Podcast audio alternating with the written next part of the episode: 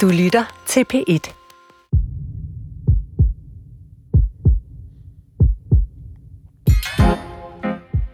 Er du kvinde? Ja, så er der rigtig god chance for, at du har oplevet pludselig at skulle løbe på toilettet i pendulfart for at tisse. Men når vandet endelig løber ned i kummen, så gør det ondt, svir, og det er som om blæren bare ikke tømmer sig ordentligt. Rigtig nok kort tid efter er du på den igen. Ja, det er blærebetændelse, jeg snakker om. Og til alle mændene derude, som nu sidder og tror, at den her udsendelse, den behøver jeg slet ikke at følge med i, så siger jeg, bare vent. Bare vent, til du får forstørret prostata, og urinen står og venter på at komme ud som en bakteriesuppe oppe i blæren. Bare vent til du er nået plejehjemsalderen, hvor velkomsthilsen består i at få jaget et engangskateter op gennem urinrøret, så der er skabt frit lejde for tarmbakteriernes vandring nordpå. Og så lige tilbage til kvinderne.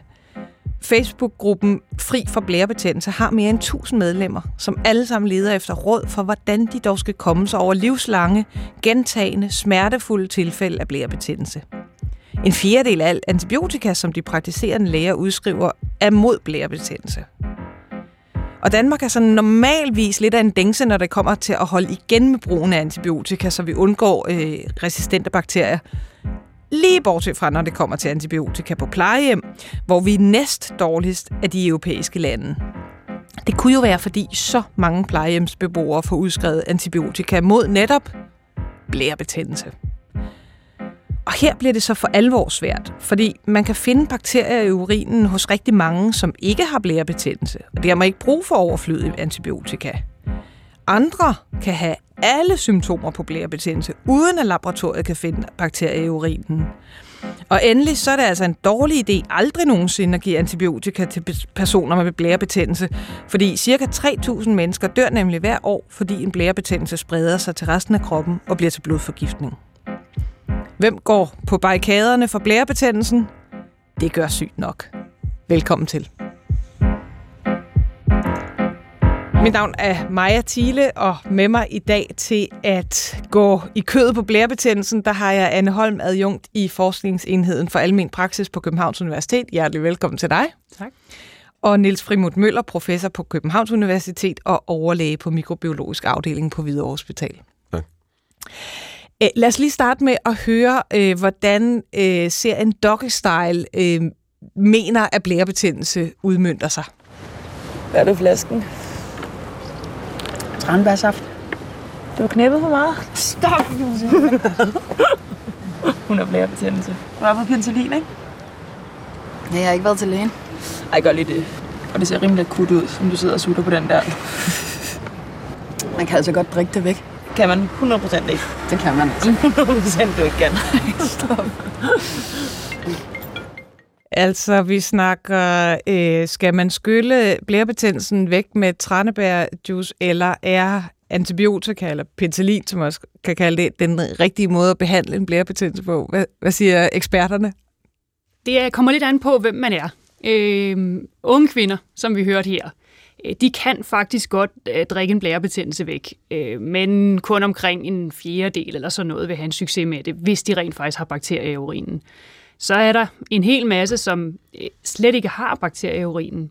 Der kan man sagtens. Øh, der forsvinder symptomerne af sig selv. Men så er der dem, der har en reel blærebetændelse, altså hvor man har fået bakterier op i blæren, og jeg har inficeret øh, blæreslimhinden.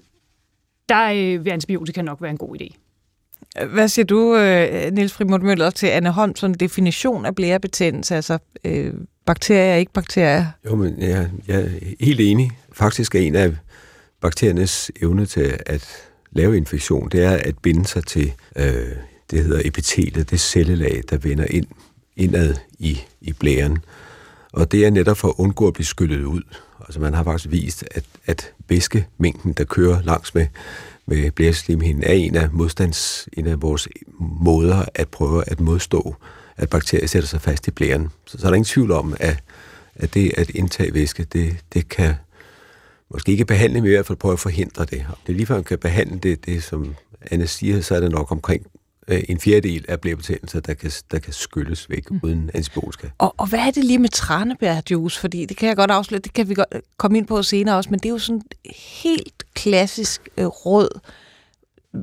mest forebyggende, men der er vel også nogen, der bruger det, når de har symptomer på blærebetændelse? Det, det er mest forebyggende. Det viser sig, at øh, der er et sukkerstof i tranbær, og i øvrigt også i andre bær af samme familie, øh, som øh, binder sig til de femmerhår, som det er jo oftest kolibakterier, vi taler om, E. coli, der giver blærebetændelse. Sådan en, en hyppig tarmbakterie? Som en hyppig tarmbakterie. Det er den allerhyppigste årsag til blærebetændelse. 8 ud af 10 skyldes den her kolibakterie. Og de der femmerhår, som den bruger til at binde sig fast til blæreslimhinden, de binder sig til det her sukkerstof i tranbær, sådan at, man, at, at kolibakterien forhindres i at binde sig. Så man snyder egentlig bakterien siger, ja. prøv lige at se det her lækre tranbærjuice, det er i virkeligheden det samme som slimhinden. Præcis. Men, men, men det hjælper jo kun som forebyggende, fordi hvis den først er kommet ind, så hjælper det jo ikke at tage tranbær, fordi nu er bakterien, nu sidder den fast i slimhinden og inde i cellerne, øh, så der vil det ikke hjælpe, men det kan måske forhindre flere kolibakterier, der kommer ind i at binde sig. Så, så der, er, der er noget om tranbær, der, der virker. Det har faktisk været utrolig svært at eftervise videnskabeligt, at det virker. Øh, I hvert fald forebyggende, at der er lavet rigtig mange store randomiserede forsøg, Øh, og når man lægger dem alle sammen sammen, så virker det ikke rigtigt. Altså sådan nogle lodtrækningsstudier, ja, hvor man kigger på enten ja, kalktabletter, bliver det så ikke kalkjuice og tra- versus tranbærjuice? Ja, eller forskellige doseringer, eller hvad man ellers har gjort. Så, så har det faktisk været svært at, at vise, at det virker. Nogle har ment, at det var fordi, man faktisk skulle drikke ret store mængder øh, tranebærjuice, så problemet i virkeligheden var, at ingen kunne holde det ud, men det er jo sådan set også væsentligt nok, fordi hvis man ikke kan holde det ud, så virker det ikke. øh, så, så det er måske ikke det bedste råd, men det er ved at blive undersøgt nu, om man så kan behandle med det. Men det man så har kunne se, det var, at væskeindtaget i de her forsøg faktisk virkede. Øh, så i de forsøg, hvor man ligesom havde øh, store mængder væske i den ene og lidt mindre mængde væske i den anden gruppe, der virkede det bedre hos dem, der drak store mængder væske. Så vi er tilbage ved det der med, altså prøv at skylde dem ud, og hvis det ikke virker, så kan det være, at der skal kraftigere midler til. Mm. Jeg vil så lige sige om C-vitamin, som der er i meget frugt, er også, virker også antibakterielt, fordi det jo hedder acetylsalicylsyre, det er en syre, og surdannelse af urinen virker på bakterier. Så, så det er ikke helt skævt at sige, at næsten en hvilken som helst frugt, der indeholder meget C-vitamin, vil være, tror jeg, gavnligt for i hvert fald at prøve at forhindre blærebetændelse. Og vi skal nok øh, øh, også komme tilbage til endnu flere gode råd senere. Øh, men nu, nu hørte vi et godt eksempel på, altså, hvad var det, hun sagde? Har du knæppet efter sex, sådan for virkelig at lægge svæsken på disken? men det er jo, det er jo så, også en typisk råd, som jeg kan afsløre øh, som, som øh, læge, at øh, det hører man da også på medicinstudiet. Husk nu at tisse efter sex, og det kan man, man kan næsten ikke som ung kvinde komme ned til sin første gynækologiske undersøgelse hos en praktiserende læge, uden at også høre det råd. Så, så er der noget om det? Det er øh, undersøgt meget, meget lidt. Og de studier, der har undersøgt det, har ikke kunne finde, at det virkede. Øh, og i og med, at jeg er sådan en, der skal formidle evidens til kolleger, så, så er det det, jeg har sagt øh, de sidste år, det var, at øh, det virker ikke det er ikke rigtig min oplevelse som praktiserende læge i virkeligheden. Æ, øh, og, og morsomt nok var der lige for et par uger siden en kollega, der sagde, at nu havde hun ikke haft blærebesændelse i 20 år, og så havde hun hørt mit råd, og så havde hun tænkt, ej, nu har jeg tisset efter sex i 20 år. Det holder jeg da op med, og så fik hun en blærebetændelse. så øh, noget siger mig, at, øh, at det ikke er undersøgt grundigt nok. Øh, der er altså der er et af de områder, hvor der ikke er ordentlig øh, overensstemmelse mellem, hvad evidensen siger, og hvad den kliniske erfaring siger. Og det er jo egentlig utroligt, når man kombinerer, øh, hvor hyppigt blærebetændelser og hvor hyppigt sex sker, så skulle man jo tro, at det alligevel var noget, der blev undersøgt. Niels? Der vil jeg så lige sige, at når man kigger på risikofaktorer for forblæbetændelse hos, øh, hos kvinder i hvert fald, så falder jo samleje ud som en af de hyppigste risikofaktorer. Så det, det er jo klart, at der er en risiko omkring sex, samleje og, og urinvejsinfektion. Så derfor giver det god mening at komme med et råd om at tisse om jeg så må sige. Ja. Og, øh, og før, hvorfor, før altså, hvis vi lige tager fat i det der med, ja, med samleje, hvorfor er det lige, at det giver en øget risiko for blærebetændelse? Det er jo sådan, at man får kolibakterierne kommer fra ens egen tarm. Man bliver altid, altid, i hvert fald, hvis det ikke er på sygehus, og den kommer en anden vej, den almindelige blærebetændelse, så bliver man inficeret med bakterier fra sin egen tarm. Kolibakterier findes i, i tarmen, og, og bevæger sig, transporteres, hvordan ved jeg, men altså manglende hygiejne og, og andet fra tarmåbningen. Og så er der jo til, relativt kort og der er relativt kort der, ikke? Ja. Og så netop hos kvinden, og det er formentlig derfor, at kvinderne har, hyppigere har blærebetændelse, fordi de har en skede eller en vagina, øh, hvor der sidder masser af bakterier i, øh, og det skal der helst gøre, men i nogle tilfælde, så kan de her kolibakterier, der kommer fra tarmen, sætte sig i, i vagina og sidde der, og så kan de forurene udmundingen af, eller sætte sig i åbningen af urinrøret, som jo åbner lige øh, i udkanten af, af vagina. Og der mener man, at, at den fysiske påvirkning under samleje gør, at bakterierne bliver ligesom presset rundt og op omkring urinrøret, og derfor har en større tilbøjelighed til at begynde at gå op igennem urinrøret op til blæren. Jo, og så er det jo ikke et råd, man giver unge mænd, men det, det er vel fordi, de har et så meget længere urinrør, øh, ud over altså en længere afstand fra øh, urinrørets åbning og så til, til endetarmen. Det, ja, det er helt klart kvinder, der får blærebetændelsen øh, efter, efter sex, end det mænd, der gør. Øh, det har også et eller andet at gøre med, tror jeg, at, at øh, øh, manden har en prostata, blandt andet, som producerer en række antibakterielle stoffer. Det er sådan en kirtel, der ligesom sidder og omskider urinrøret. Ja, præcis. Den producerer ja. en række forhold. Også, den, også nogle meget sure produkter i øvrigt, når vi taler om pH, altså surgørelse. Så den både surgør, men den, der er også nogle såkaldte antimikrobielle peptider, altså nogle proteinstoffer, der virker på bakterier. Så man har et effektivt øh, system til at forhindre, at bakterier kommer op igennem urinrøret, plus, øh, og længden er der også. Han har simpelthen sin helt egen bakteriebekæmper siddende lige der, ja. hvor den virker allerbedst. Præcis. Det er dog pokkers altså. Øh, kvinder har det også, altså de har nogle små kirtler, man mener er reminiscenser af noget, der kunne være blevet til prostata, hvis de var blevet til mænd i stedet for.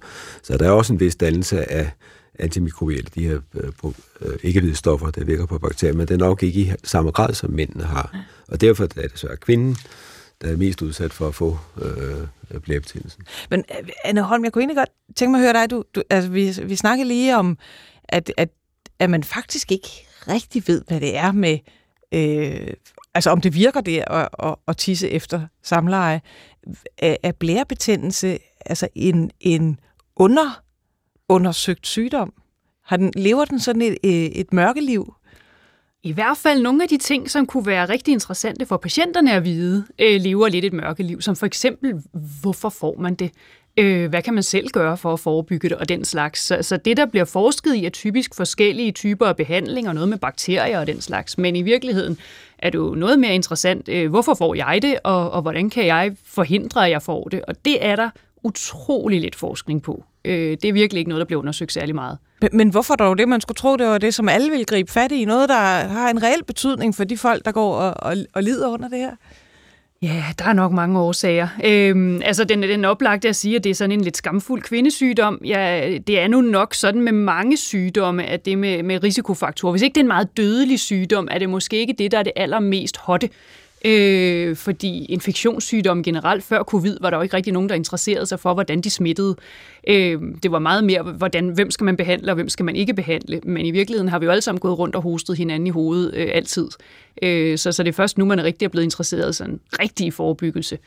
Øh, så, så det er nok også det. Øh, det, er ikke, det er ikke sådan et rigtig hot emne, som mange kaster mange penge efter. Kan der også være øh, lidt aldersdiskrimination ind over det, fordi nu nævnte jeg indledningsvis øh, plejehjem, altså den, den ældre befolkning, ikke bare dem, der er på plejehjem, men også øh, bestemt ja, øh, kvinder igen efter øh, overgangsalderen, mænd, som har øh, forstået prostata. Øh, det er jo nogle grupper, som sagtens kan have problemer hyppigt med, øh, med gentagende blærebetændelser.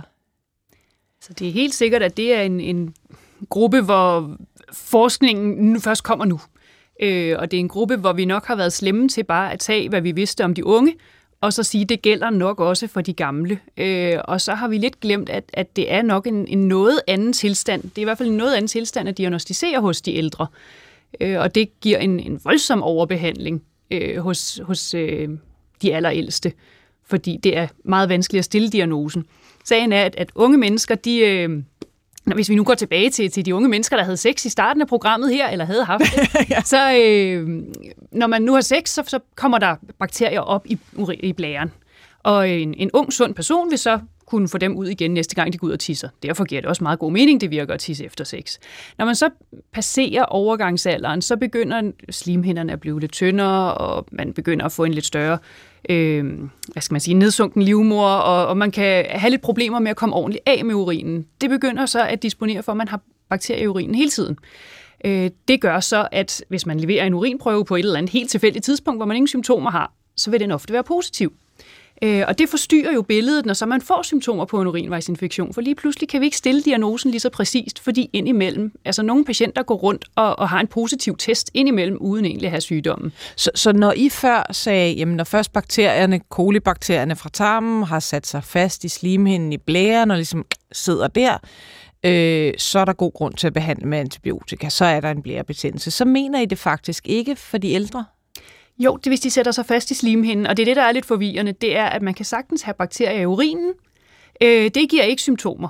Det, det, der er de bare, og så kan de skylle ud igen, hvis man er ung, hvis, det er, hvis man er lidt ældre, eller man har et kronisk kateter, så er de der, men de invaderer ikke slimhinden. Og det er det, at de går ind i slimhinden, er det, der giver symptomerne. Det irriterer slimhinden, så begynder den at ville tømme sig, øh, og giver sådan en, en, den der smertefulde følelse, eller følelse. en slags krampe? Ja, ja, sådan en følelse af, at blæren er alt for fuld hele tiden. Øh, det er sådan, en blære reagerer. Det, det, indre organer kan kun reagere på nogle ret øh, enkle måder. Øh, til gengæld, så hvis, hvis bakterierne ikke kan sætte sig fast, jamen så, så generer de ikke slimhinden, og så vil man egentlig ikke mærke noget til, at de er der. Og det gør heller ikke noget, fordi nogle bakterier kan ikke invadere slimhinden. Så man kan sige, for at få en blærebetændelse skal man både være disponeret for at få bakterierne op i blæren, men bakterien skal altså også være i stand til at invadere slimhinden. Så, så de to ting skal være til stede, og, og det kan jo være forskellige mennesker, der er, har forskellige ting. Men hvis de to ting er til stede samtidig, så har man et problem. Så er det, man får det igen og igen. Og øh, Niels Frimut Møller, du har arbejdet øh, som mikrobiolog i, i mange, mange år. Øh, er der modtager i flere øh, urinprøver, altså øh, test på, for blærebetændelse? Ja, altså, når man, der er nogle statistikker, der viser, at øh, der kommer flere og flere urinprøver øh, i Danmark i hvert fald. Og, og den, er bare, den er bare stigende i de sidste 10-15 år. Øh, antallet af urinprøver, det kan man... Altså, om det, om det er et tegn på, at der er flere, der har blærebetændelse, eller om der bliver sendt flere urinprøver, for eksempel siger jo Anne, at hun har anbefalet, at der bliver taget urinprøver, netop med henblik på det med antibiotikaresistens, som vi kommer tilbage til senere. Så det kan godt være, at, at der er en større opmærksomhed på at få taget en prøve, hver gang man har symptomer på det, end der var før i tiden, hvor man måske bare behandlede på forventet efterbevilling, fordi patienten kom, og de fleste kvinder, der har haft det før, er ikke i tvivl om, at de har en blærebetændelse. Så det vil ofte være sådan, at man næsten ikke behøver at tage prøven og bare starte behandlingen. Problemet er, at nu der kommer så meget resistens, at man kan ikke være sikker på, at den behandling, man giver, vil virke, fordi der er resistens. Så derfor... Altså bakterierne, øh, bakterierne er modstandsdygtige. forsvinder simpelthen ikke. Ja, de ja. forsvinder simpelthen ikke. De er modstandsdygtige over for det øh, antibiotikum, det penicillin, eller hvad det nu er, som man giver. Hvad siger du, Anne Holm, hvis man som, som patient kommer ned til sin praktiserende læge med symptomer på blærebetændelse, skal man insistere på, at den lige bliver sendt omkring øh, Niels Frimund Møllers øh, laboratorie eller lignende? Det kommer lidt an på øh, igen. Øh, hvis man går ind ad døren som en, som en yngre kvinde, altså før øh, overgangsalderen, så vil der være cirka 50-50 for, at man finder bakterier, hvis man undersøger øh, urinen efter alle kunstens regler. Det vil sige, og i og med, at man både skal have bakterier i urinen og symptomer på blærebetændelse for at have gavn af antibiotika, så hvis man bare behandler på symptomerne, øh, så vil halvdelen blive overbehandlet. Før i tiden sagde man, det var fint. Og vi Sebasse, det er meget, meget mindre, end vi overbehandler luftvejsinfektioner, så det kan vi godt leve med. Øh, der er nok sket et skift til, at man siger, ah, når man nu har gode tests, så kan det være, at man lige skal bruge lidt mere krudt på at undgå det. Og folk er jo blevet meget mere opmærksomme på, at de egentlig ikke har lyst til at blive overbehandlet. Så derfor nogle gange så på symptomerne og på den første test. Øh, man laver ofte sådan en urinstiks, når man kommer ind til lægen. Øh, nogle læger har også et mikroskop. Og nogle gange kan de første test godt afklare, om det helt sikkert er en blærebetændelse, eller helt sikkert ikke er en blærebetændelse, øh, hvor man faktisk ikke behøver sende nogen urin afsted. Og så vil der være en gråzone på omkring 60 procent af patienterne, hvor man er nødt til at sende afsted for at være helt sikker. Du lytter til Sygt Nok. Øh, vi slår et slag for blærebetændelsen i dagens program. Mit navn er Maja Thiele, og med i studiet er Anne Holm, adjunkt i Forskningsenheden for Almen Praksis på Københavns Universitet, og Niels Frimund Møller, professor på Københavns Universitet og overlæge på mikrobiologisk afdeling på Hvidovre Hospital. Øhm, og vi har snakket lidt om sådan det ene tilfælde af blærebetændelse, som i hvert fald blandt kvinder er, er rimelig hyppig, og også begynder at komme øh, hos de ældre mænd øh, med større og større hyppighed. Men vi har jo ikke snakket om dem, som har gentagende blærebetændelser. Og det er faktisk øh, derfor, vi laver det her program. For vi har nemlig fået øh, nogle lyttermails, og jeg kunne godt tænke mig øh, lige at læse øh, den første op, for det er nogle gode... Øh, gode overvejelser, som vores øh, lyttere gør sig. Der er en her, øh, hun skriver, at min mor har haft kronisk blærebetændelse gennem fem år, og det har været meget smertefuldt og belastende. Øh, en tilstand, jeg kan forstå, mange ældre kvinder lider under, og hvor behandlingstilbudene ofte er utilstrækkelige. Hvorfor er det så svært at behandle de gentagende blærebetændelser? Det, det er et af de områder, der burde forskes mere i, ikke? for det, det er virkelig et problem. Øhm, det er invaliderende for dem, der har det, og øh, fordi man jo stadig ofte har ondt, og man får antibiotika, kurer, forskellige kurer, så begynder man at få bivirkninger til det, så det er, det er virkelig et, problem, og vi, vi har ikke forklaringen på rigtig mange af de tilfælde. Altså, man vil jo tro, der er et eller andet galt med urinvejene, og tit bliver de øh, kvinder, og det er jo ofte kvinder, undersøgt nærmere. Det er både hos en gynekolog og hos en, øh, også være en urolog, altså en, en speciallæge, der ved noget om, om urinsystemet.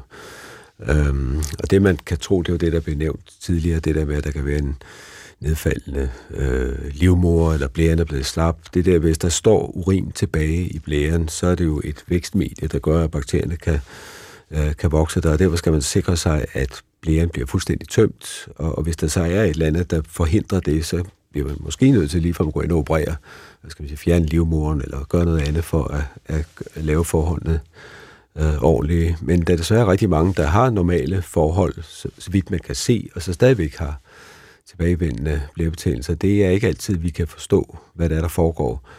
Øh, vi undersøger bakterierne, i starten er det ofte den samme, men så skifter det senere hen til en anden, til en anden kolibakterie. Så, øh, så det er faktisk øh, svært at vide, øh, men, hvor men, det går. Men har vores lytter ret i, at der ikke er gode behandlingsmuligheder? Kunne man ikke bare give antibiotika igen og igen hver gang? Jo, det er jo det, man ofte gør. Øh, og det øh, er jo ikke super godt i virkeligheden at få. Øh, igen, hvis man kigger på de yngre kvinder, er det lidt øh, simplere i hvert fald set fra en læges synspunkt, fordi hvis man tager en urindyrkning, så er man ret sikker på, at det er en blærebetændelse. Det drejer sig om. Øh, og, og får man det igen og igen, og man kan se, at det er den som, som Niels siger, den samme bakterie. Nogle gange, andre gange kan den selvfølgelig skifte. Jamen, så, så, man, så er man sikker på diagnosen. Øh, så er behandlingsmulighederne nogle gange, at, øh, at man forsøger at give noget antibiotika øh, på lang sigt, altså en langtidsantibiotikakur. Det er noget værre møg, fordi så får man jo resistente bakterier i massevis, øh, ikke bare i øh, de blærebetændelser, man får, men også i tarmfloraen, som jo er dem, der så bevæger sig over og giver blærebetændelser. Øh, så, så det er en stor risikofaktor for at få øh, antibiotikaresistens, hvis man skal gå og tage sådan en. Så det er ikke super godt. Til gengæld så har de yngre det med at vokse lidt fra det. Øh, det kommer i en periode, og så er der en periode, det ikke kommer. Det har selvfølgelig noget at gøre med, hvor seksuelt aktiv man er, øh, men også andre ting, som vi ikke helt forstår. Mm-hmm. Jeg har faktisk, når du nu siger de yngre, så har jeg faktisk nemlig en, en anden lyttermail, øh, som kommer fra en øh, kvinde, som øh, nu er øh, oppe i 60'erne, men altså jo også var ung engang, ligesom så mange andre. Øh, Øh, og hun øh, skriver, jeg er en af de vist nok ret mange kvinder, der lider af blærebetændelser mange gange om året, og har, jeg gjort, og har gjort det siden min ungdom. Øh, og det er bare blevet værre og værre med alderen. Øh, det er et emne, alle har gode råd om. Øh, og øh, vedkommende nævner så øh, den Facebook-side, som jeg også nævnte indledningsvis, Fri for blærebetændelse hedder den. Og der står der, og her vrimler med alskens mere eller mindre umulige forslag. Jeg har prøvet en del, men uden held. Øh, hun nævner en e-string, øh, som har virket en lille smule. Hun nævner øh, østrogenkur. Øh, hun nævner at undgå at gå i koldt vand. Hvad siger I til de forskellige... Den med koldt vand, den havde jeg ikke hørt før. Altså, der, Hun skriver ja. også, jeg har prøvet det hele. altså, det er jo virkelig en, der, der bare gerne vil have noget hjælp. For sådan en kvinde der, der, der er over overgangsalderen, der er der en lille smule evidens for øh, lokal østrogen, som hun nævner. Altså østrogenringen, eller, eller som sådan, øh, ja, noget, noget, man kan sprøjte op. Øh, som som øh, tager Pillekur er det ikke helt så godt. Der har man ikke kunne vise en lige så god effekt. Men lokal østrogen kan virke lidt formentlig ved at gøre slimhænderne lidt mere modstandsdygtige. Og der skal du måske lige se, det er jo ikke lokal østrogen i urinvejene. Det er lokal østrogen op i skeden, ja. Og det virker så i det område der. Så, så det vil virke, det Nils forklarede med, med bakterierne, der vandrer fra tarmen og, og den nogle over i skeden, og så bor de der lidt, og så vandrer de videre. Øh, det kan ligesom hjælpe det naturlige forsvar ved ens slimhinder bliver lidt som da man var ung igen. Øh, det kan man prøve i hvert fald, hvis man i det hele taget er generet af tynde slimhinder efter overgangsalderen. Så er der øh, en lille smule evidens for vand, som vi snakkede om. Altså at drikke masser af vand. Øh, ikke, og det må gerne være koldt. Det må gerne være koldt. Det må det gerne. Det kan have den temperatur, man synes er bedst, og man kan putte tranebær i, hvis man synes, det smager godt.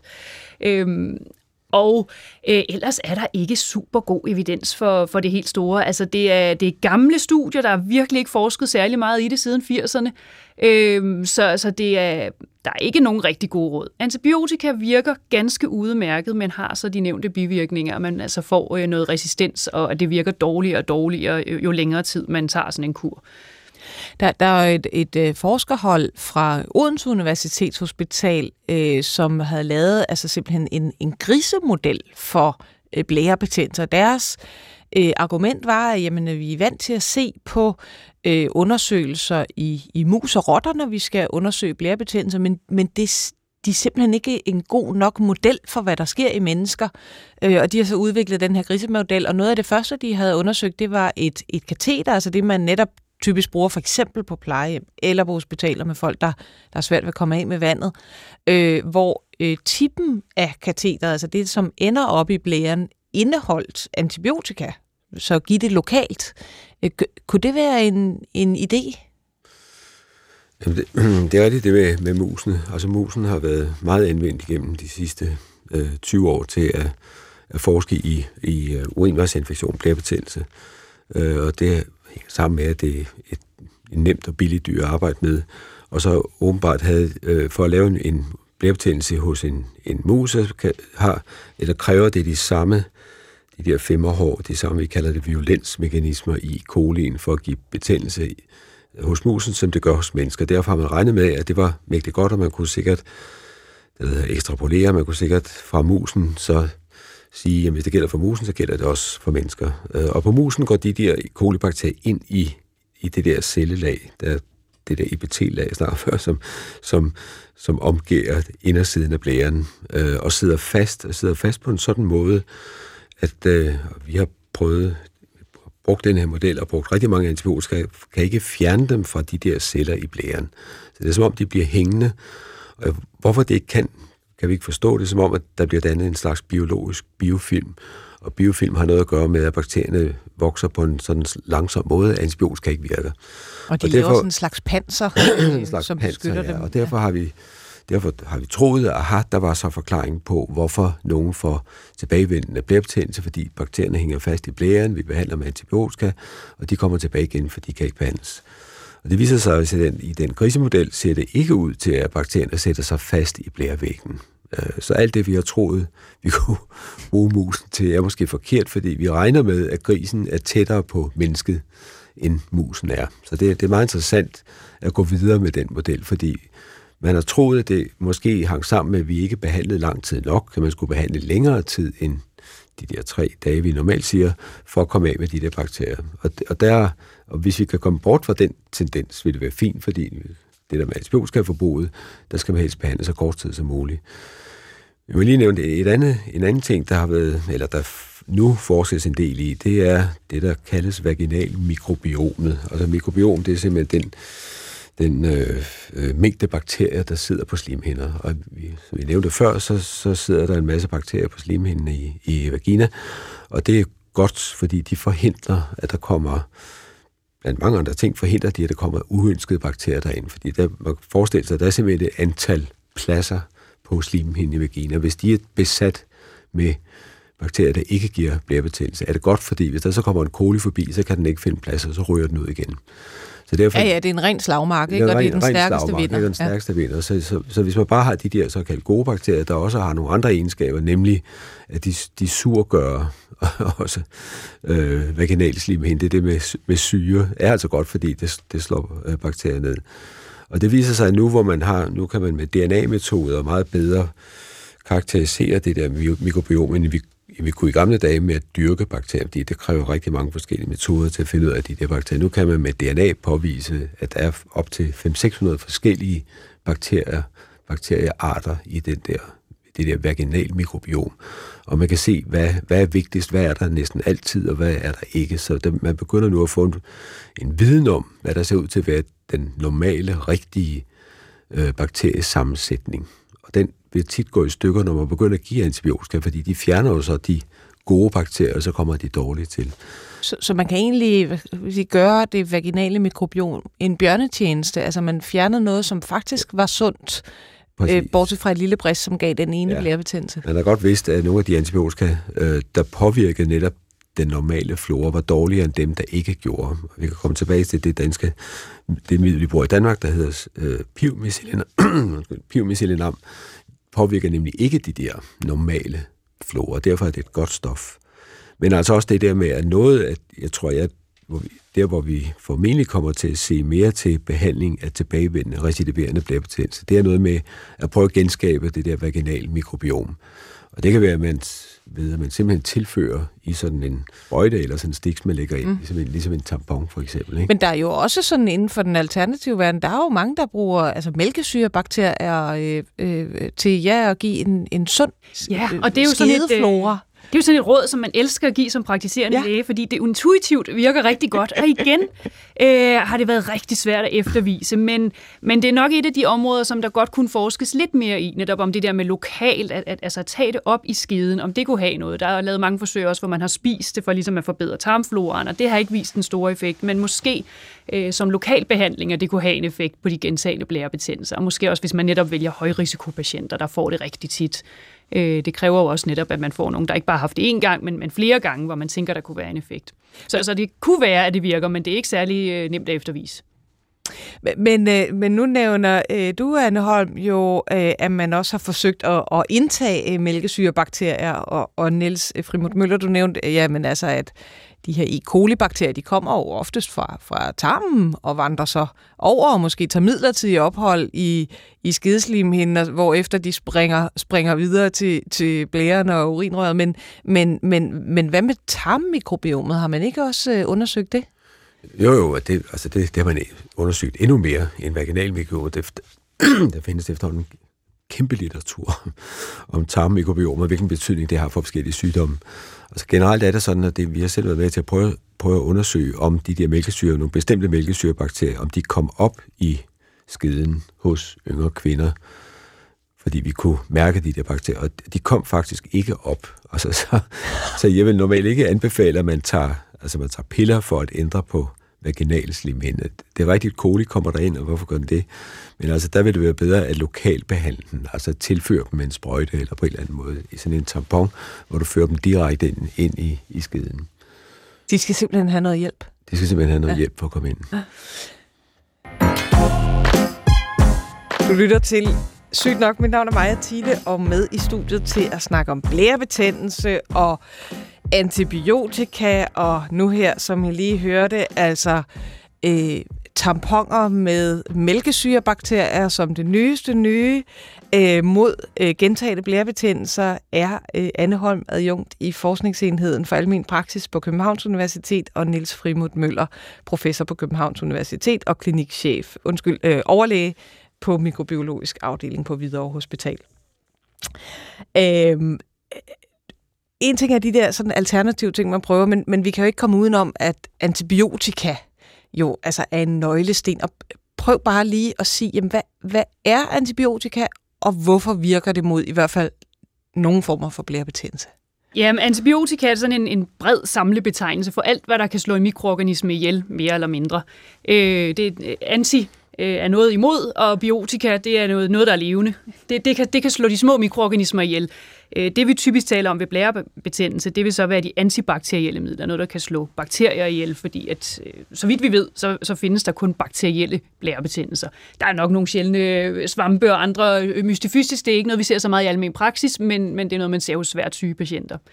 Øhm, så øh, det har nogle forskellige mekanismer alt efter, hvilken klasse det har. Det, som der er øh, lidt, øh, lidt irriterende ved antibiotika, er, at de ikke er særlig specifikke. Man kan få dem i nogle bredspektrede, og man kan få dem i nogle smalspektrede. Øh, så altså, det, man kalder smalspektrede, slår lidt færre forskellige bakterier ihjel, end det, der er bredspektret. Øh, Øh, typisk til blærebetændelse skal man bruge noget, der er rimelig bredt, øh, fordi det skal, det skal slå de der kolibakterier ihjel, der ikke lige bliver taget af de mest hyppige smalspektrede antibiotika. Og problemet er jo så, når man så indtager sådan en i, i munden, så kommer den ud i blodbanen og virker i hele kroppen. Øh, det fungerer rigtig godt på de sygdomsfremkaldende bakterier. Det virker også rigtig godt på alle de andre bakterier. Så sådan en bredspektret antibiotikakur vil jo typisk gøre, at det slår meget af ens naturlige øh, flora ihjel. Så vil den komme igen øh, efter noget tid. Øh, efter et års tid kan man ikke længere måle, at man har resistente bakterier altså i, i sin normale flora. Men faktisk helt op et år efter, man har fået en helt almindelig antibiotikakur, kan man måle resistens, øget risiko for resistens i ens tarmflora for eksempel. Og hvad kan det betyde for den enkelte, altså hvis man ikke ser på, på sådan samfunds, øh, men, men for den ene person, som har taget en antibiotikakur? Det er lige netop det. Altså, øh, fordi det, man kan sige, samfundet er jo sådan set også vigtigt, men, men når man selv tager en antibiotikakur, skal man tænke over, at for en selv betyder det, at op til et år efter har man resistente bakterier. Det er måske ikke så vigtigt i sig selv, hvis man er ung og rask. Men, men hvis man er lidt ældre og har tendens til forskellige sygdomme, man har måske været en tur i Østen, så har man fået sig sådan en, en resistent bakterie med hjem derfra. Der er en stor hyppighed af dem, man kalder for ESBL-bakterier. Der er nogen, der, der kan give blærebetændelser, og sådan set også nyrebækkenbetændelser, og som er, er resistente over for nogle af de ellers gode antibiotika, vi bruger. Øh, så kommer man måske hjem øh, med den. Det gør ikke noget i sig selv, men så får man måske også lige en antibiotikakur for noget andet, og så får den en overlevelsesfordel i forhold til de andre bakterier. Øh, og så har man rigtig meget af den. Hvis den så får lyst til at kravle over i ens blære, derefter, så har man pludselig et problem. Hvis man så bliver indlagt med en nyrebækkenbetændelse, så virker de gængse antibiotika ikke lige så godt. Øh, så, så det er ligesom en ophobning af faktorer, hvor det, at man selv indtager antibiotika, er den største risikofaktor. Så, så det kan betyde en altså personlig risiko for, for senere øh, betændelse med noget, som er noget sværere at komme af med? Som i hvert fald giver en forsinkelse af behandlingen, fordi det første, man giver, øh, ikke vil virke, ja. Mm. Og Niels Frimund Møller, du nævnte øh, før, at altså, kortere behandling var nøglen. Øh, hvor, hvorfor er det lige det? Jo, men generelt er der simpelthen en sammenhæng imellem mængden af antibiotika, der bliver brugt, og resistensudvikling. Det, det, det kan vises. Det er vist så mange gange, at man næsten ikke kan huske, hvor det er vist den. Men, men der er simpelthen en sammenhæng med, med mængden af antibiotika. Og derfor prøver man at gøre alt, hvad man kan for at sænke antibiotikaforbruget. Og det kan være, at man giver lidt lavere doser. Det skal man som regel ikke gøre, fordi man skal også slå bakterien ihjel. Men varigheden af behandlingen er et sted, hvor man kan øh, sænke forbruget. Ikke i stedet bare give tre dage tre tabletter om dagen, i stedet for at give syv dage. Ikke? Det giver jo ni tabletter mod 27 tabletter. Der er jo ingen grund til at give de sidste øh, fire dages behandling, hvis alle bakterierne allerede er slået ihjel. Så medmindre den ligesom er, er, har bevæget sig op og blevet til nyrebækkenbetændelse, ja. eller der er andet, der gør, at, sådan, at der er et, et særligt behov, så... Hvis den kun sidder i blæren, hmm. øh, så er det tilstrækkeligt. Og det har også noget at gøre med, at de fleste Antibiotika er jo lægemidler, der udskilles, siger man. De skal jo ud igen, og det kan de blive gennem leveren eller gennem øh, urinvejene. Og de fleste antibiotika bliver udskilt gennem urinvejene, så det vil sige, de får meget høje koncentrationer i urinen.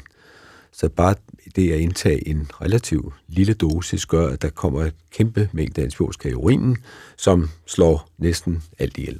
Selv, endda selv nogle af dem, der er lidt resistente, de kan faktisk ryge øh, under den behandling. Så derfor tre dages behandling viser at være tilstrækkeligt øh, til langt de fleste bliver. Så det er også det, de praktiserende læger, tror jeg, øh, bruger i, i Danmark. Ikke? Det er i hvert fald det, der står i, i vejledningen. Jo, altså, jeg nævnte også i starten, at Danmark er jo faktisk lidt af et dængseland, når det kommer til antibiotikaforbrug, og, og, og vi bliver sådan løbende bedre. Øh, øh I løbet af de sidste øh, 10 år, der er forbruget af antibiotika faldet øh, med mere end en femtedel, øh, og, og ligger på øh, øh, på sådan et niveau, hvor vi egentlig gerne vil have det. Øh, men det ser også ud, som om der er nogle grupper, hvor vi halter efter. Altså især de ældre, og især øh, på plejehjemmene. Øh, Anne Holm, hvad, hvad tror du, det er, der gør, at, at man bliver så liberal med antibiotikaen øh, hos de ældste øh, grupper af danskere? Øhm, ja, jeg kan jo godt sige sådan generelt, og det tror jeg gælder i alle lande, så er det her en, en gruppe af mennesker, der er, er meget skrøbelige. Altså havner man på et, et, pleje, et dansk plejehjem, så, så vil man typisk have en, en del sygdomme. Øh, og øh, størstedelen har også en demenssygdom, eller, eller noget, der minder om en demenssygdom. Øh, det gør selvfølgelig, at man øh, vil være bekymret for at overse noget som læge. Øh, får man en infektion, så vil man, man være bekymret over ikke at behandle eller måske lige at se anden, eller afvente nogle ting, fordi det er bare en gruppe, der meget hyppigt bliver hurtigt dårlige og indlagt på hospital. Og det vil man gerne undgå, for det øh, selvfølgelig kan det være godt at blive indlagt på et hospital, hvis det er nødvendigt, men man vil jo hellere forebygge det. Øh, og man vil jo helst øh, også holde sine patienter i live så længe som muligt, øh, og, og derfor vil man have en tendens til at behandle mere.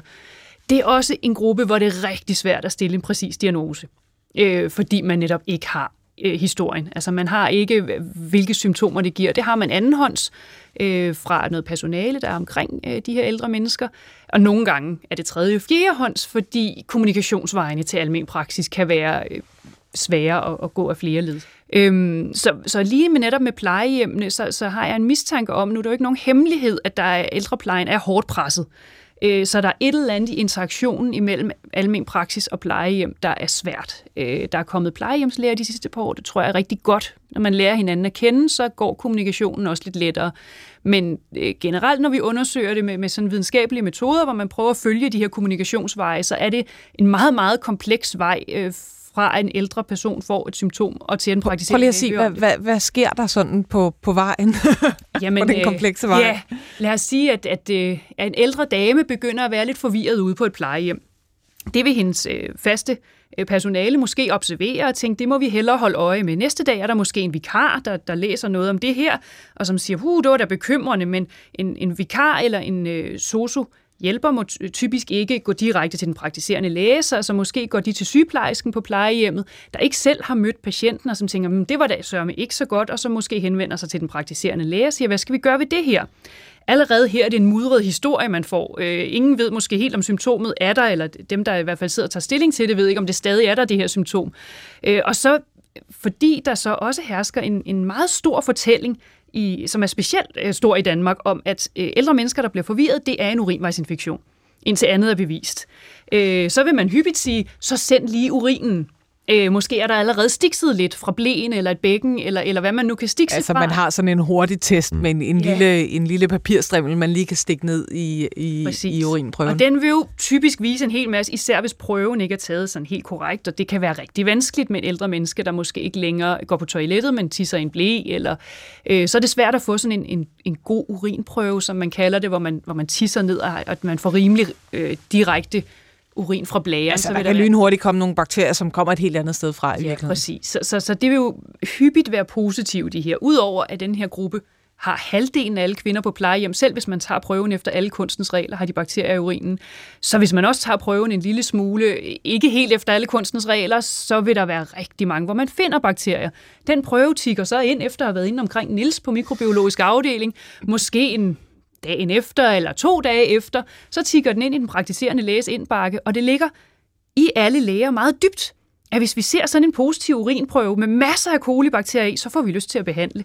Øh, det har vi altså svært ved bare at sige, Nå, men nu må vi hellere lige se, hvad var det egentlig symptomerne var, og gå tilbage igen, som øh, man måske burde, men, men det, øh, det er altså svært.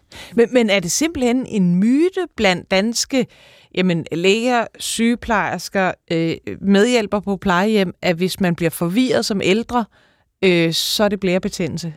Det er i hvert fald en myte, at det er det. Om det godt kan være det, det er en anden sag. Øh, det er... Der er lavet rigtig mange studier faktisk lige netop på det, øh, men de er ikke særlig godt udført. Øh, så man kan se, at der er en eller anden sammenhæng imellem forvirringstilstande og bakterier i urinen. Men om det betyder, at forvirringstilstanden skyldes bakterierne i urinen, det er jo en helt anden sag. Øh, så hvis man tager på et plejehjem, hvor langt størstedelen har en demenssygdom, så vil på et givet tidspunkt omkring 40 procent have et symptom, øh, et adfærdsmæssigt eller psykologisk symptom, forvirring eller øh, aggressiv adfærd eller øh, træthed, noget andet, øh, der, der sådan stikker ud. Øh, 40 procent eller 50 procent vil også have bakterier i urinen. Øh, så hvis man leder efter noget, hver gang nogen får et af de her symptomer, så finder man det også ret tit. Så vi har to hyppige ting, altså øh, øh, lidt ligesom øh, sex- og blærebetændelser, så har vi altså hos de ældre øh, øh, forvirring og blærebetændelser, og kombinerer man dem, så, så finder man et stort overlap. Det er i hvert fald meget nemt at se, hvordan den myte kan opstå. Øh, om det 100% er en myte, er der strengt taget ikke nogen, der ved, men det er i hvert fald øh, svært overvurderet. Nils, øh, nu øh, påstår jeg, at vi dængser i Danmark omkring øh, men, men er alle enige om, at det, bare, det er bare helt fint øh, herhjemme? Jamen, altså, vi, vi ligger i, i den ende af de europæiske lande, der bruger mindst antibiotika, så det er rigtigt nok. Det er så i, i almen praksis, måske lige bortset fra plejehjemmene, hvor vi åbenbart bruger mest, øh, og vi bruger også desværre lidt for meget på sygehusene. Hvis man deler forbruget op i sygehusforbruget på hospitalerne og så i almen praksis, så er det desværre været stigende igennem de senere år. Vi er på sygehusene ikke nær så gode, som de praktiserende læger er til, til at, at tænke forbruget. Øh, der arbejdes meget på det, men det har, det har været fortsat stigende. Øh, det er mere syge mennesker, der bliver indlagt nu om dagen. Vi kan jo behandle rigtig meget, så det er jo, der er mange patienter, som nu, hvad skal man sige, overlever, som ikke ville have overlevet før. Som, for man kan operere, man kan transportere, man kan, man kan gøre mere og mere. Så, så der ligger jo flere, så man sige, ekstra syge patienter på sygehusene, og de vil tit få antibiotika. Man bruger antibiotika til, netop til transplantationer, til kirurgi, giver man forebyggende antibiotika. I mange situationer bruger man antibiotika til at forebygge infektioner, og jo flere, jo flere operationer man så laver, jo mere antibiotika vil man bruge. Så man giver simpelthen, øh, lige inden folk skal køre ind på operationsgangen, bum, så får de ja. lige et skud antibiotika for at sikre på, at der ikke kommer for eksempel en sårinfektion, eller hvis man skal have en ny hofte, en infektion omkring den, den nye hofte. Sige, under operationen kan man ikke forhindre, at der kan krybe nogle bakterier ned i operationssåret, de kan dale ned fra luften eller fra patienten selv. Og, og, og hvis vi bruger øh, blærebetændelse igen som eksempel, så altså, er der vel også en reel risiko, når man ligger på hospitalet der er flere øh, bakterier på hospitalet. Der er flere øh, muligheder for at få sig øh, noget, som ikke lige er en helt klassisk, typisk E. coli, der lige er vandret fra, øh, fra indtappen op i urinrøret. Øh, der er vel også flere øh, muligheder for at blive svært syg af, af sådan en blærebetændelse. Er, der ikke, er det ikke en god grund til at give lidt ekstra Jo, jo, jo. Jamen, det er det. Altså også en af grundene til, at netop hvis du lægger et kateter, altså sådan et, et rør op i blæren, som jeg gør, for at hvis patienter netop i forskellige situationer, hvis de bliver opereret, så kan de jo ikke tisse selv, derfor er man nødt til at lægge et kateter op. Altså det er jo en sikker adgangsvej for bakterier, derfor skal man sørge for, at kateter ligger så kort tid som overhovedet muligt, fordi der vil simpelthen kravle bakterier op. Og, det, og derudover og det, elsker de sådan noget plastik, ikke? Og de, de elsker plastik, sætter sig på, på det, det, og det forhindrer i patientens immunsystem i at virke, fordi der ligger det her rør.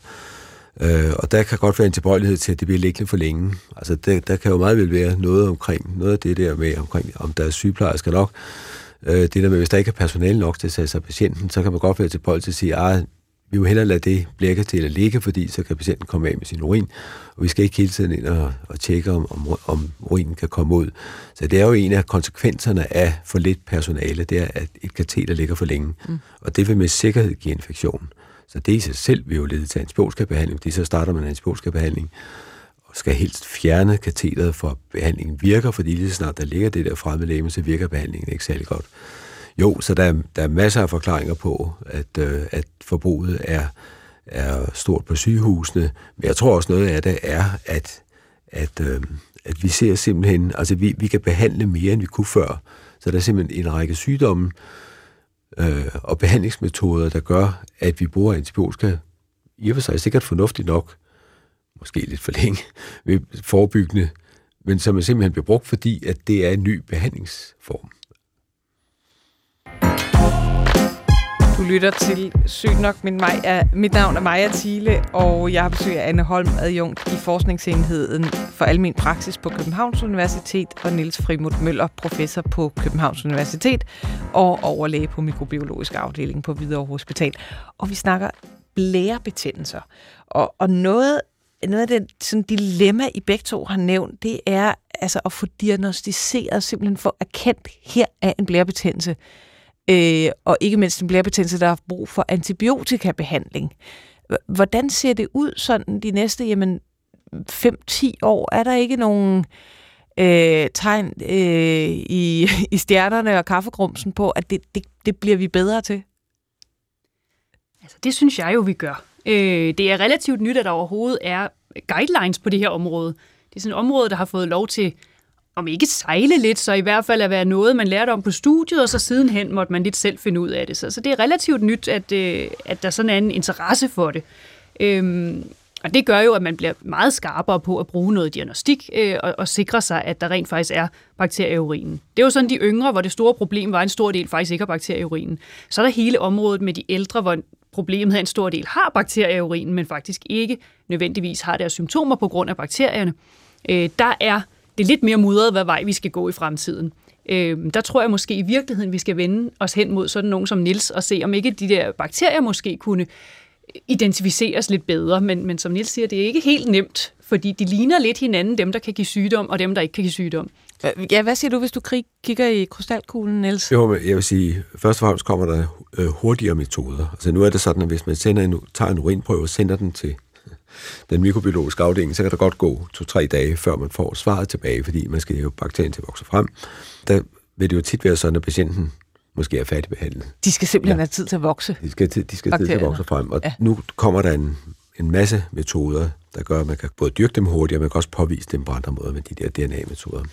Kan man ved hjælp af den metode egentlig også blive bedre til at skræddersy, hvilken behandling der så er den rigtige? Ja, det, det vil man helt klart kunne. Man vil formentlig om ikke så mange år være i stand til at lave maskiner, og så sådan nogle smarte apparater, så man bare kommer urinen ind i et hul, og så kommer der sådan en papirlap ud, der siger 100.000 E. coli, som er følsom for dit og dit og dat. Ikke? Og forhåbentlig måske også det med, at vi kan sige, at det er den type coli, som du skal være sat opmærksom på. Øh, i, hvis jeg lige skal nævne krystalkuglen, så har man jo arbejdet en hel del på en vaccine mod E. coli. Og der er faktisk en, der er blevet afprøvet. Jeg tror også, at der kommer formentlig noget der. Det vil formentlig være godt jo, specielt godt for dem, der har de recidiverende, altså tilbagevendende blærebetændelser. Hvis man på en eller anden måde kan stimulere immunapparatet, fordi der skal jo være nogle antistoffer, der prøver at forhindre de der kolibakterier at komme ind, og det er der. De fleste vil nok sige, ah, at hvad skal man kunne vaccinere mod en tarmbakterie? Altså, vi er jo blevet så vant til at høre om viruser. Ja. Hvordan hænger det sammen? Jamen, det, det kan man faktisk godt. Altså, der på det. Jeg sagde, det der femmerhår, som kolibakterien har, den yderste lige præcis tip af det der femmerhår har en bestemt struktur, som lige præcis passer ligesom en nøgle ind i et nøglehul på den der epitelcelle i blæren. Og hvis man laver antistoffer mod den tip der, og det kan man lave, ligesom man kan med covid, den har jo også sådan en tip, der binder til noget i øh, nogle celler op i vores luftveje. Det kan man også gøre med en, med en kolibakterie, og det er det, man har arbejdet på, netop at prøve at lave hjælpe patienterne med at lave antistoffer mod de der kolibakteries femmerhår. og, og det giver ikke bare de samme problemer som eksempelvis antibiotikaresistens, at man mangler nogle vigtige bakterier i, ja, i sin tarmflora ja, for eksempel? Det er jo det, der vil være interessant, men normalt, altså den, den type øh, celledele er, er der ikke i tarmen, og det er specielt for blæren, så på den måde vil det, sige, vil det være godt at prøve at forhindre den der kolibakterie af binde sig til det der blæreepitel. Så det er ikke alle kolibakterier, det er kun dem, der lige sætter sig? Det er kun dem, der har det, og det er det, at den sidder i blæren og ikke er i tarmen. Det er fint. Man skal ikke forhindre, at de er i tarmen, fordi kolibakterierne er ligesom alle mulige andre bakterier i tarmen jo som regel en, en gavnlig foretægelse. Øh, jeg har lige sådan tre hurtige myter her til sidst, som jeg gerne øh, vil have jer til enten at aflive eller bekræfte, øh, som sådan en øh, sygt nok helt egen øh, lytterservice hvis man vil undgå blærebetændelse, skal man så tørre sig øh, altså på en særlig måde, øh, hvad kan man sige, fra, fra ovenfra ned eller nedfra op? Jeg ved ikke, det er. Jamen, det er nok her, at, at, at Niels vil svare, at det giver rigtig god mening, fordi bakterierne skal jo ligesom en bestemt vej. Igen, så, så de få studier, der er på det, har faktisk ikke kunne vise nogen sammenhæng imellem, hvad vej man tørrer sig. Men jeg tænker også, hvilken kvinde tørrer sig overhovedet den i anførselstegn forkerte vej, fordi det har man hørt lige siden, at man var 12 år gammel, eller faktisk siden man overhovedet lærer at tørre sig, at man skal huske at tørre sig forfra og bagud. Så, så måske er det lidt svært at vi eftervise videnskabeligt, fordi alle gør det rigtigt. Men jeg sige, altså bidet mener jeg faktisk vil være en fordel her, det er at skylle efter. Ikke? Der er meget få, der har bidet. Vi har ikke hjemme hos os, men jeg har tit tænkt på, at det burde man måske. Og det der med, at man skyller området, i stedet for bare at tørre. Ikke? Kan man, kan man omdanne det til, til et andet godt råd, som er at gå hyppigt i bad? Det, det tror jeg bestemt. Altså af, afvaskning tror jeg meget på, at det vil, at det vil hjælpe. At man får afvasket området omkring netop øh, det ydre, der hvor urinrøret åbner sig. Ikke? Hvis man, det kan afvaskes på en eller anden måde, så, og det er også det, man prøver at gøre, før man tager urinprøven, for, for at prøve at fjerne de bakterier, der sidder der. Det, det, så hy, hyppigt, hyppigt bad, mener jeg klart en fordel. Med mindre, Nils, at det har den modsatte effekt, ligesom vi ser ved, ved skidekatar, at, at for meget vask i virkeligheden får fjernet nogle af de gode bakterier. øh, så det er en af dem, der godt kunne være tvækket svær, kunne jeg forestille mig. Passende med vask. og måske øh, ikke for meget sæbe til yeah. netop at gøre det øh, basisk, altså det modsatte ja. af sur, fordi det var det sure, som var en, en, øh, hvad vil sige, ja. en god forebyggelse. En god forebyggelse, ja, det er ja. rigtigt. Ja. I får lige den sidste. Øh, det synes jeg i hvert fald øh, så, øh, var noget, jeg tit hørte som ung kvinde. Øh, hold underlivet varmt. Den har jeg tænkt meget over, om det, kunne, om det kunne have noget på sig. Det eneste, jeg kan komme på, det er, altså sidder man på et eller andet meget koldt, så trækker slimhænderne sig lidt sammen. Øh, det er ikke eftervist videnskabeligt det her, så det er helt på teoretisk basis. Og, og trækker de sig en lille smule sammen, jamen så, så vil de jo også fungerer dårligere, kan man sige. Det kan også dæmpe immunresponset en lille smule. Man skal nok afkøles godt og grundigt for neden. Øh, så, så, så øh, det er ikke sådan, at man går med uldne, eller, eller, men, men lad os sige, at man sidder på en meget koldt underlag i timevis. Jo, så kunne man da godt forestille sig, at der kunne kravle nogle bakterier op. Det er nok ikke en af dem, der sådan, øh, er der er meget hold i en, en lidt fortænkt øh, myte. Det blev det sidste ord for dagen sygt nok. Tusind tak øh, til mine øh, to eksperter, Anne Holm, adjunkt i Forskningsenheden for Almen Praksis på Københavns Universitet, og Niels Frimut Møller, professor på Københavns Universitet og overlæge på mikrobiologisk afdeling på Hvidovre Hospital. Øh, vi har også for nogle måneder siden lavet et program om overmedicinering. Det må I endelig lytte til, eller nogle af vores andre øh, programmer på DR Lyd-appen, eller hvor I nu ellers finder jeres podcast. Vi har en mail, sygt nok, snablag DR.dk. Mit navn er Maja Thiele. Programmet blev produceret af Victoria Tovino og Frederik Bjerg Andersen. På genhør næste gang.